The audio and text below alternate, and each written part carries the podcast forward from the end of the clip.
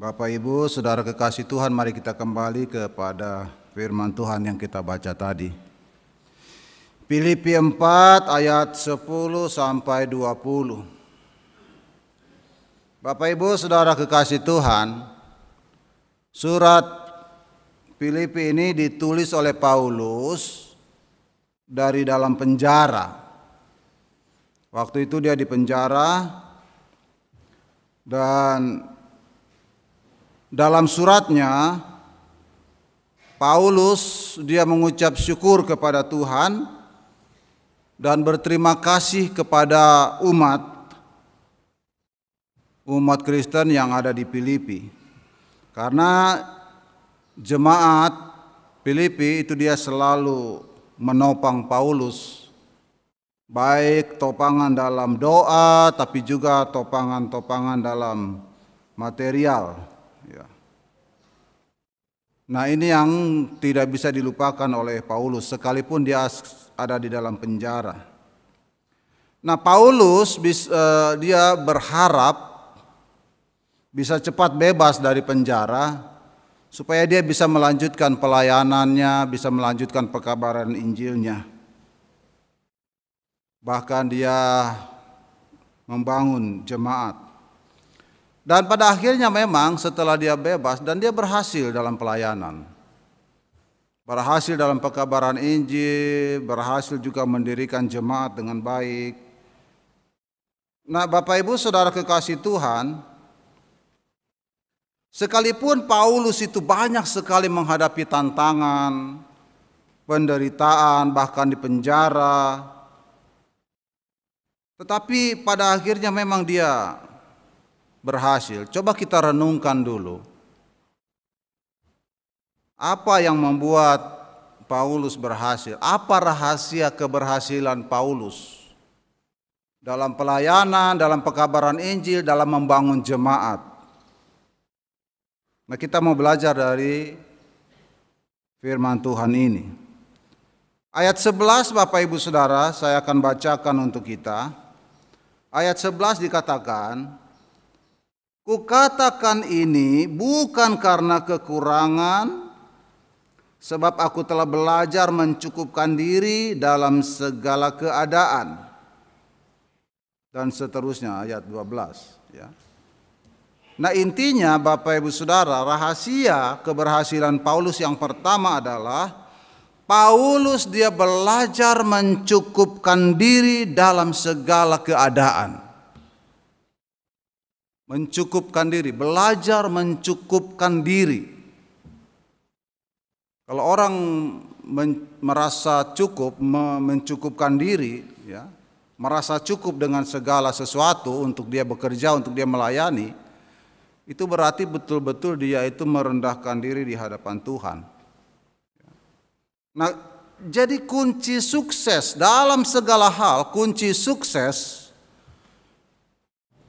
untuk kita bisa bekerja, mengabdi, melayani dan berbagai aktivitas, kunci suksesnya adalah kita harus punya rasa cukup. Rasa cukup diri. Nah, belajar mencukupkan diri ini yang terkadang sulit Bapak Ibu Saudara. Nah, Bapak Ibu Saudara, kalau kita selalu merasa kekurangan, nah ini. Kalau kita selalu merasa kekurangan, merasa tidak puas, merasa selalu ada yang kurang, apa yang kurang, ada yang mengganjal dalam pekerjaan kita, dalam pelayanan kita, itu pasti tidak akan maksimal hasilnya. Dan memang se secara hukum alami juga segala macam aktivitas apalagi aktivitas untuk kemuliaan Tuhan pasti ada banyak gangguan, ada banyak hal, rintangan, ya, ada banyak hal kekurangan-kekurangan, pasti seperti itu. Tetapi Paulus dia merasa cukup, mencukupkan diri, merasa puas dengan apa yang ada. Nah, Bapak Ibu Saudara,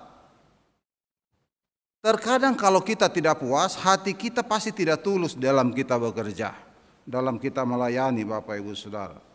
Ya, kita merasa ada yang mengganggu. Sukacita juga pasti tidak ada. Hilang sukacita itu. Ya. Contohnya dalam pelayanan kita, ya ini kebetulan beberapa waktu yang lalu kita sudah selesai dengan penjaringan majelisnya. Sudah selesai, hasilnya sudah selesai, hanya tinggal diumumkan saja. Ya, kapan diumumkan itu nanti panitia yang yang tahu.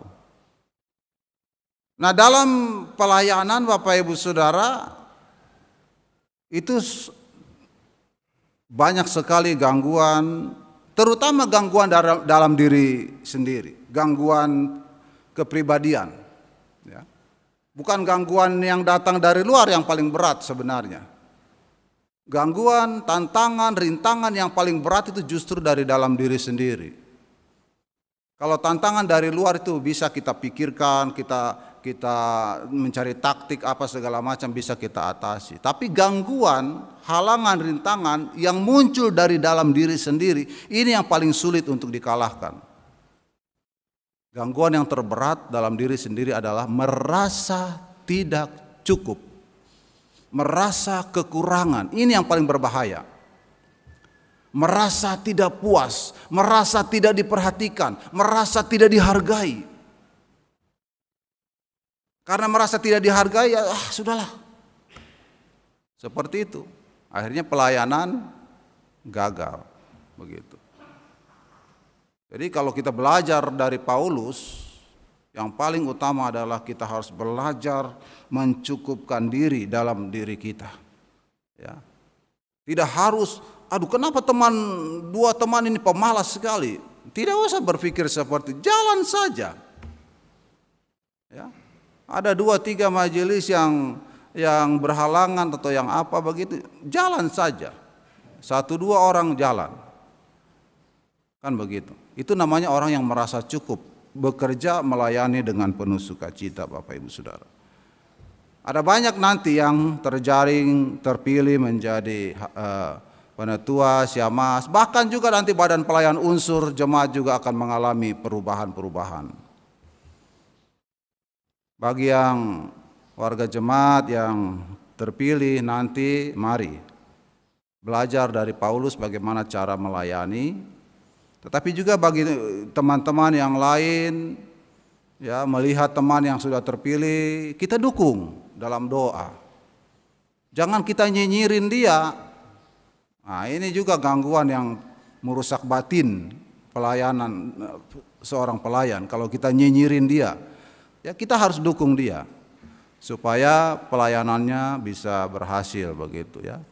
Karena apa? Orang yang kita pilih menjadi majelis, menjadi badan pelayan unsur jemaat, mereka nanti yang akan berdoa untuk kita. Mereka yang akan melayani kita, mereka yang akan bekerja untuk kita. Jadi kita harus mendukungnya dengan baik. Ya. Nah Bapak Ibu Saudara kekasih Tuhan, kita harus belajar bersyukur kepada Tuhan dengan apa yang sudah Tuhan berikan kepada kita. Ya. Itulah kunci sukses pertama Rasul Paulus karena dia tidak merasa berkekurangan. Walaupun secara kasat mata dia penuh dengan kekurangan.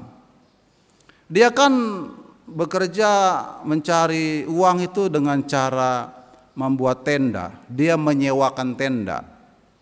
Zaman dulu kan tenda itu sangat vital ya. Jadi dia buat tenda, dia sewakan kepada orang lain. Itu pekerjaannya dia untuk mencari uang. Dan uang itulah yang dipakai untuk pelayanan. Tetapi kan selalu tidak cukup. Untung ada warga jemaat Filipi yang selalu menopang dia, begitu.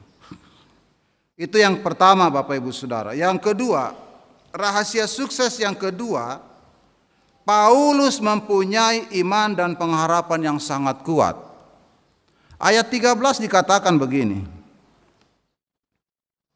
Segala perkara dapat kutanggung di dalam dia yang memberi kekuatan kepadaku. Bapak ibu saudara ayat ini cukup terkenal. Dulu ada petinju yang paling kuat namanya Mike Tyson. Tidak bisa dikalahkan. Dan kalau dia bertinju itu satu ronde, dua ronde itu lawan KO. Dia sangat kuat, Mike Tyson itu. Nah satu kali begini Holyfield pikir ini bagaimana mengalahkan dia. Dia sudah ciut. Lalu Holyfield pergi ke seorang pendeta. Benihin. Dia pergi. Jadi dia dibimbing secara rohani oleh pendeta ini. Nah khusus ayat ini yang dia ini bimbing. Lalu ketika dia naik ring, itu di selempangnya itu ada tulisan Filipi 4 ayat 13. Jadi orang semua lihat Filipi 4 ayat 13. Lalu bertinju bertinju ronde ke berapa? 10 kah? KO lah itu si Mike Tyson itu. Ya. Itu juga secara tidak langsung pekabaran Injil juga itu. Orang melihat ayat yang diselempangkan oleh Holyfield dan dia menang, ya. Tapi sebelumnya dia sudah dibimbing oleh pendeta itu. Mentalnya dikuatkan. Nah Bapak Ibu Saudara kekasih Tuhan, rahasia sukses yang kedua karena Paulus itu dia mempunyai iman dan pengharapan yang begitu kuat sehingga dia mengatakan segala perkara dapat kutanggung di dalam dia yang memberikan kekuatan kepadaku. Ya, kekuatan hati Bapak Ibu. Dulu Daud, Raja Daud, waktu dia mau meninggal, sudah tua sekali. Waktu dia mau meninggal, dia katakan kepada anak anaknya Salomo. Dia katakan, kuatkanlah hatimu, lakukanlah kewajibanmu dengan setia terhadap Tuhan Allahmu, dengan hidup menurut jalan yang ditunjukkannya. Jadi nasihat Daud kepada Salomo, kuatkanlah hatimu, Kuatkanlah hatimu artinya kuatkanlah mentalmu, kuatkanlah tekadmu. Kuatkanlah semangatmu. Jangan goyah oleh berbagai tantangan. Nah, ini kalau kita kuat, kuat hati, kuat mental, kuat semangat, ya, perjuangan apa pun bisa berhasil. Baik dalam pelayanan, tetapi juga dalam kehidupan romantika keluarga juga pasti berhasil. Asal di dalam diri kita ada kekuatan hati, iman dan pengharapan itu begitu kuat. Kebergantungan kepada Tuhan yang tinggi itu membuat kita bisa berhasil Bapak Ibu Saudara. Ya. Bapak Ibu Saudara kekasih Tuhan, Paulus dia mengimani bahwa Tuhanlah yang memberikan kekuatan. Bukan dia merasa diri hebat. Paulus itu Bapak Ibu Saudara dia seorang sarjana, ahli Taurat, orang terdidik dia. Paulus. Dia ahli teologi. Tapi iman percayanya dia tunduk kepada Tuhan Yesus, bukan dia mengandalkan kepintarannya dalam dia melayani. Dia hanya bergantung kepada kuasa Tuhan. Itulah kekuatan hati Bapak Ibu Saudara. Tidak ada persoalan perkara yang berat yang dihadapi orang yang mempunyai hati yang kuat. Ya. Kita sebagai warga jemaat yang sudah uh, lama percaya kepada Tuhan Yesus, mari kita belajar dari Paulus. Ya, menguatkan kita punya hati. Iman dan pengharapan itu harus kuat di dalam diri kita, Bapak Ibu Saudara. Mengapa Paulus dia memberi kekuatan kepada eh, mengapa Tuhan memberikan kekuatan kepada Paulus Bapak Ibu Saudara? Ya. Karena Paulus dia sungguh-sungguh mau melayani. Paulus dia sungguh-sungguh mau memberitakan Injil, Paulus dia sungguh-sungguh mau membangun jemaat. Kesungguhan hati Paulus yang mau membangun itulah Tuhan memberikan dia kekuatan. Kita juga begitu Bapak Ibu Saudara. Kalau kita punya tujuan yang baik dalam hidup kita, ya, katakanlah kita punya tujuan ya mau membangun keluarga. Hati kita, tekad kita, semangat kita untuk membangun keluarga, minta kekuatan dari Tuhan, Tuhan akan berikan. Atau mungkin kita punya pekerjaan-pekerjaan sosial di dalam masyarakat yang begitu banyak tantangan. Ya. Kita minta kekuatan dari Tuhan. Tuhan berikan kekuatan itu. Dengan catatan tujuan kita mulia. Ya. Rencana-rencana mulia yang akan kita lakukan itu pasti berhasil. Kita ingin membangun sebuah uh, mengembangkan sebuah kampung Bagaimana caranya supaya kampung ini dia bertumbuh berkembang dengan baik, bagaimana pertaniannya supaya baik, bagaimana pendidikan masyarakatnya, anak-anaknya bisa terlayani dengan baik, bagaimana kesehatannya bisa terlayani dengan baik kampung ini. Kalau kita punya tekad dan minta kekuatan dari Tuhan, Tuhan pasti buka jalan. Ya. Bapak Ibu Saudara kekasih Tuhan, coba kita lihat dulu ayat ke-17 sampai 20. Ini rahasia yang ketiga. Dia katakan begini. 17 sampai 20. Tetapi yang ku yang kuutamakan bukanlah pemberian itu, melainkan buahnya yang makin memperbesar keuntunganmu. Kini aku telah menerima semua yang perlu daripadamu. Malahan lebih daripada itu, aku berkelimpahan. Karena aku telah menerima kirimanmu dari Epaphroditus, suatu persembahan yang harum, suatu korban yang disukai dan yang berkenan kepada Allah. Ayat 19 saya lanjutkan. Allahku akan memenuhi segala keperluanmu menurut kekayaan dan kemuliaannya dalam Kristus Yesus. Dimuliakanlah Allah dan Bapa kita selama-lamanya. Nah Bapak Ibu Saudara kekasih Tuhan, rahasia sukses yang ketiga yang Paulus alami dalam kehidupannya, Paulus dia selalu mengucapkan doa dan berkat bagi setiap orang yang menolong dia. Jadi setiap orang yang menolong dia, yang menopang dia, baik itu topangan dana, topangan doa, topangan moral, Paulus dia selalu mendoakan dan mengucap berkat bagi mereka. Bahkan dikatakan ayat 17, semua pemberian-pemberian jemaat yang dengan tulus memberi itu berbuah ayat ke-17. Setiap pemberian-pemberian umat yang diberikan untuk pelayanan, yang diberikan untuk pekabaran Injil, yang diberikan untuk pembangunan jemaat itu berbuah. Berbuah bagi orang yang memberi itu. Begitu maksudnya. Ya. Artinya orang yang memberi dia akan menikmati apa yang dia beri. Kan tidak semua orang bisa memberi, memberitakan Injil. Tidak semua orang pergi ke daerah-daerah menyampaikan firman Tuhan. Ada orang-orang yang menopang dalam doa, ada orang-orang yang menopang dalam pikiran-pikiran, ya. Ada orang-orang yang menopang dalam kemudahan-kemudahan, ada orang yang menopang dalam dana dan berbagai hal. Nah, itu berbuah bagi orang yang melakukan menolong pelayanan itu. Karena apa? Berbuah karena mereka menolong orang yang memberitakan Injil, memelayani dan membangun jemaat itu, Bapak Ibu Saudara. Ya. Ayat ke-17, ayat ke-18, semua pemberian-pemberian jemaat itu adalah persembahan yang harum, korban yang disukai dan yang berkenan kepada Allah. Jadi semua persembahan-persembahan kita itu adalah persembahan yang harum, dan berkenan kepada Allah. Nah, oleh sebab itu Paulus dia mendoakan mereka dan mengucap berkat bagi mereka. Itu ayat 19 dan 20. Itu adalah doa dan berkat yang Paulus ucapkan. Nah, Bapak Ibu Saudara kekasih Tuhan,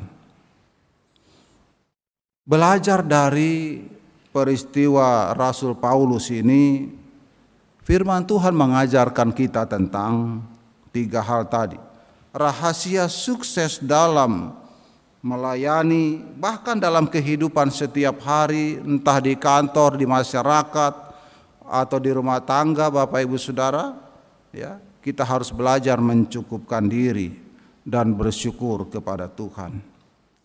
Jadi Tuhan itu dimuliakan dengan rasa syukur kita, dengan rasa cukup kita. Tapi kalau kita tidak merasa puas, itu bukan Tuhan dimuliakan, Tuhan dikecewakan. Begitu. Kalau kita tidak puas, merasa kekurangan ini, kurang ini, ini, ini, kita banyak menggerutu, ya, justru Tuhan dikecewakan, bukan Tuhan dimuliakan. Tapi ketika kita bekerja, mengabdi, melayani dengan baik, ada rasa syukur, ada rasa cukup dalam hati kita, itu Tuhan dimuliakan. Ya. Yang kedua, Bapak Ibu Saudara, kita harus memiliki iman dan pengharapan yang kuat. Sebab Tuhan itu adalah sumber kekuatan. Oleh sebab itu, pendekatan kita kepada Tuhan hanya oleh iman dan pengharapan. Sehingga kita sebagai orang beriman Bapak Ibu Saudara, iman itu kekuatan. Jadi jangan sampai iman kita itu rusak karena berbagai tantangan pergumulan yang kita hadapi. Segala macam pergumulan dalam hidup harus dikalahkan oleh iman Bapak Ibu Saudara, oleh kesungguhan kita mempercayakan hidup kita kepada Tuhan. Ya. Yang ketiga Bapak Ibu Saudara, ini harus kita biasakan juga dalam hidup kita kita harus mendoakan dan mengucap berkat bagi orang-orang yang dipakai Tuhan untuk menolong kita. Bapak Ibu Saudara, tidak ada orang di dunia satu orang pun yang hidupnya sendiri tanpa ada pertolongan orang lain. Ya.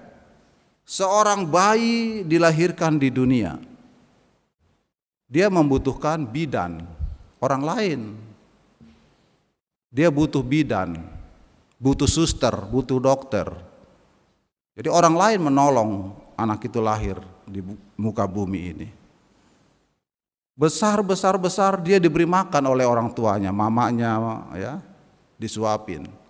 Masuk SD sekolah yang tadinya tidak tahu baca, tidak tahu tulis, orang lain menolong dia.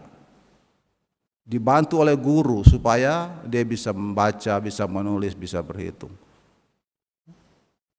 Jadi dibantu oleh orang lain. Begitu juga dia kuliah juga dibantu oleh dosen, dibantu oleh kerja juga begitu. Masuk dia ASN, dibantu oleh pemerintah juga. Jadi tidak ada orang yang tidak tidak ada eh, apa bantuan dari orang lain. Setiap orang dalam hidupnya ada bantuan dari orang lain. Tanpa terkecuali Mau kita naik pangkat juga pasti dibantu oleh orang lain. Ya. Tapi coba kalau bagian kepegawaian dia jahat.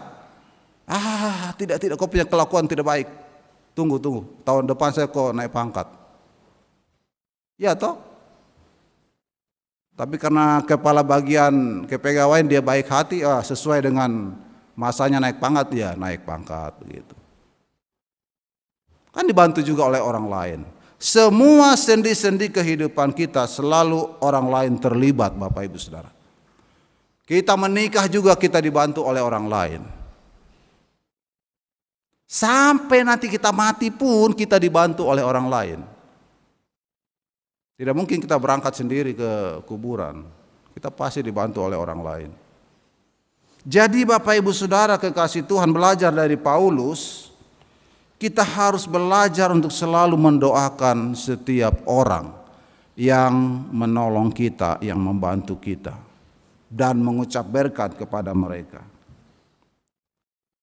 Itu harus menjadi tradisi dalam hidup ini. Dengan catatan, Bapak Ibu Saudara, karena kita hidup ini selalu dibantu oleh orang lain, itu berarti kita tidak boleh tinggi hati, tidak ada gunanya tinggi hati. Tidak ada gunanya kita merasa diri hebat karena hidup kita dibantu oleh orang lain. Itulah yang Tuhan kehendaki dalam hidup kita. Merendahkan diri, merendahkan hati. Bapak Ibu Saudara kekasih Tuhan, merendahkan hati, merendahkan diri itu juga kunci kunci sukses dalam hidup kita. Mari kita belajar dari Rasul Paulus Bapak Ibu Saudara. Tuhan sangat memberkati Rasul Paulus karena semangat melayaninya begitu tinggi, hatinya begitu kuat, ber, bergantung kepada Tuhan dan selalu mendoakan orang-orang yang menolong dia dan mengucap berkat. Tuhan memberkati kita semua. Amin.